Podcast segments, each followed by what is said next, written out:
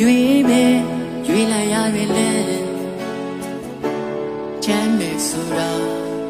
သိရဲ့ထွက်ခဲ့ရပြီရှောင်ဘူးတယ်လေအလွယ်တွေဘဝချလို့စားခဲ့ရပြီငါတို့မှာငါတို့ရှိတယ်။ဆောင်းမအမှတ်22ဖြစ်ပါတယ်။ကျွန်တော်ကထိန်နေမှာ အာနာရှင်တွေကိုတော်လန်ကြတဲ့အခါလွတ်တော်တဲ့အယုံကြည်မရှိအဆိုတင်ပြီးမဲခွဲရတယ်လို့ချောမွေ့မှုမရှိတာတော့သိကြပါတယ်။အာနာရှင်မှန်သမျှကတူတူတိတ်တိတ်ရောကြဲကြဲလောင်လောင်မှာလူထုကိုဖိနှိပ်ကြတာဆိုတော့အကြောက်တရားလွှမ်းမိုးအောင်လှုပ်ထားလေလေတော်လှန်မှုခက်ခဲလေဖြစ်တတ်ပါတယ်အခြားတစ်ဖက်မှာလည်းအာနာရှင်များကသူတို့အာနာတည်မြဲရေးအတွက် ကြားကံပေးမဲ့အခြေခံအဆောက်အုံတွေကိုပုံမအင်အားကြီးအောင်တည်ဆောက်ကြပါတယ်တိုင်းပြည်ကို အတွေးခေါ်မှောင်ချတာတွေပညာတတ်နေပါအောင်လုပ်တာတွေစီးပွားရေးနဲ့နေမှုထိုင်မှုအခြေအနေဆိုးဝါးပြီးကျန်တာကိုအာယုံမဆိုင်နိုင်အောင်လုပ်တာတွေအချင်းချင်းသွေးခွဲမှုတွေလူမျိုးရေးဘာသာရေးမှိုင်းတိုက်မှုတွေနဲ့သူတို့ရဲ့ရပိုင်ခွင့်အတွက်ပဲဥတီဆောင်ရွက်ကြတာတွေ့ရမှာဖြစ်ပါတယ်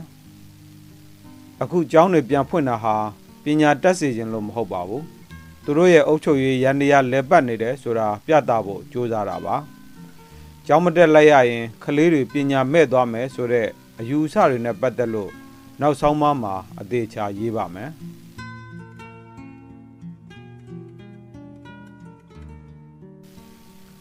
တောင်အာဖရိကအသားအရောင်ခွဲခြားမှုဆန့်ကျင်ရေးလှုပ်ရှားမှုကာလအတွင်းမှာလဲလူပြူဆိုးရက လူမဲတော်လှန်ရေးသမားတွေကိုထောက်လှမ်းမှုလူမဲတချို့ကိုအတုံးချခဲ့တာဟာအာနာရှင်များရဲ့နီလန်တစ်ခုပဲဖြစ်ပါတယ်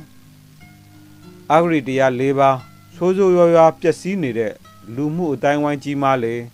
အာနာရှင်တွေရဲ့အတုံးချမှုခံရလေဖြစ်ပါတယ်။အသည့်အမြင်နှိုးကြားမှုနဲ့ဇွဲရှိမှုတွေကတော်လှန်ရေးအောင်မြင်ဖို့မရှိမဖြစ်အချက်တွေပါ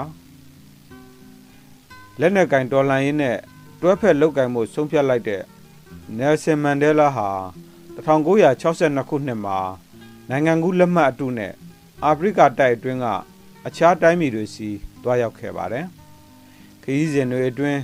အသားအရောင်ခွဲခြားမှုကိုဆန့်ကျင်သူတွေနဲ့တွေ့ဆုံပြီးတိုင်ပင်ဆွေးနွေးမှုတွေပြုလုပ်ခဲ့ပါတယ်တောင်အာဖရိကကိုပြန်ရောက်လာတဲ့အခါမှာတော့အဖမ်းခံလိုက်ရပြီး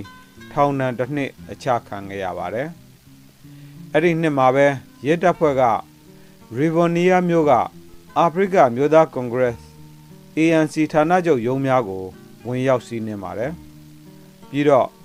အစိုးရကိုဆန့်ကျင်မှုရှုပ်ဝက်ကြံစည်သူလို့ယူဆတဲ့ ANC အဖွဲ့ဝင်တွေကိုဖမ်းဆီးပါတယ်။နယ်ဆယ်မန်ဒဲလာကလည်းအဲ့ဒီအမှုနဲ့ဆက်နွယ်နေပါတယ်။1963ခုနှစ်အောက်တိုဘာလမှာနယ်ဆင်မန်ဒဲလာနဲ့အခြားသူ9ဦးကို နိုင်ငံတော်တစ္ဆာဖောက်မှုနဲ့တရားစွဲပါတယ်1964ခုနှစ်အေဗီလာအတွင်းတရက်ခွင်တစ်ခုမှာနယ်ဆင်မန်ဒဲလာကအစိုးရကိုဘာကြောင့်ဆန့်ကျင်ရတယ်လဲဆိုတာကို ရှင်းပြတဲ့ရှောက်လဲချက်မိန်ကွန်းဟာထင်ရှားတဲ့သမိုင်းဝင်မိန်ကွန်းဖြစ်ပါတယ်၄နာရီကြာအဲ့ဒါလိုရှောက်လဲခဲ့ပေမဲ့တရားရုံးကနယ်ဆယ်မန်ဒဲလာကိုတသက်တကျွန်းအမိန့်ချလိုက်ပါတယ်။ပြီးတော့ ရောဘင်ကျွန်းအကျဉ်းထောင်ကိုပို့လိုက်ပါတယ်။သူ့ရဲ့အကျဉ်းသားအမှတ်စဉ်46664က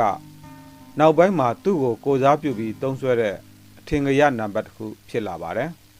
။အဲ့ဒီနှစ်မကုံငယ်မှာပဲလူပြူဆိုးရကိုလက်နက်ကင်လမ်းစဉ်နဲ့ခုခံတိုက်နေတဲ့ MK နဲ့ပိုကိုအဖွဲ့နှစ်ခုစလုံးအခြေမုံခံလိုက်ရပါတယ်။အဲ့ဒီအဖွဲ့ဝင်တွေနေထိုင်တဲ့အဆောက်အုံတွေကိုဝင်ရောက်စီးနင်းပြီး ဖမ်းဆီးတာထောင်ချတာတွေလှုပ်ဆောင်ခဲ့ပါတယ်။တချို့ ANC ခေါင်းဆောင်တွေကတောင်အာဖရိကကနေထွက်ပြေးလွတ်မြောက်ခဲ့ကြပြီးအဖွဲ့အစည်းဆက်လက်ရှင်သန်မှုဆက်လက်ကြိုးပမ်းခဲ့ကြပါတယ်။မန်ဒဲလာနဲ့အခြားသောနိုင်ငံရေးအကျဉ်းသားများကိုအကျဉ်းချခဲ့တဲ့ Robin John အကျဉ်းထောင်ဟာကြမ်းတမ်းတဲ့အကျဉ်းထောင်ဖြစ်ပြီးအခွင့်အရေးချိုးဖောက်ခံရမှုများပြားတဲ့ထောင်ဖြစ်ပါတယ်။ အိယာမရှိ စားစရာမလောက်မငနဲ့အခန်းချင်းနဲ့နေထိုင်ရပြီးထောင်ဝန်ထမ်းတွေကအကျဉ်းသားအများပြားကို အနိုင်ကျင့်နှိပ်စက်တာတွေလည်းရှိပါတယ်ထုံးကြောက်ထုတ်ယူတဲ့စခန်းတွေမှာလည်းအလုတ်ကျန်းလုတ်ကန်ကြရပါတယ်ပြင်ပကဘာနဲ့အဆက်ဖြတ်ထားတဲ့အဲ့ဒီအကျဉ်းတောင်ထဲမှာကျင်းသားအချင်းချင်းတောင်ဆက်သွယ်ခွင့်မရပါဘူးမန်ဒလာအကျဉ်းကျနေစဉ်အတွင်းမိခင်နဲ့သူ့ရဲ့သားတဦးကွယ်လွန်ခဲ့ပါတယ်အဲ့ဒီလိုအချိန်တွေမှာလဲ ဇာဗနသွားရောက်ခွင့်မရခဲ့ပါဘူးမြမပြည်သူများခင်ဗျာတော်လန်ရေးဆိုတာ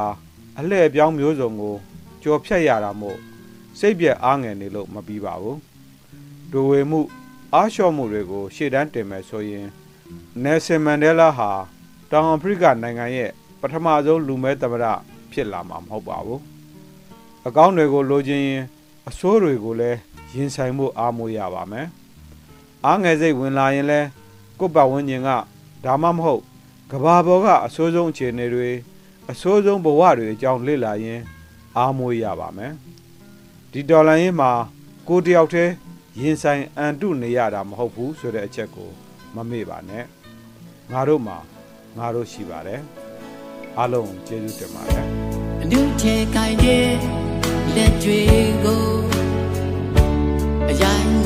ြေမှာအချဲတွေကိုင်စေရင် between me and you.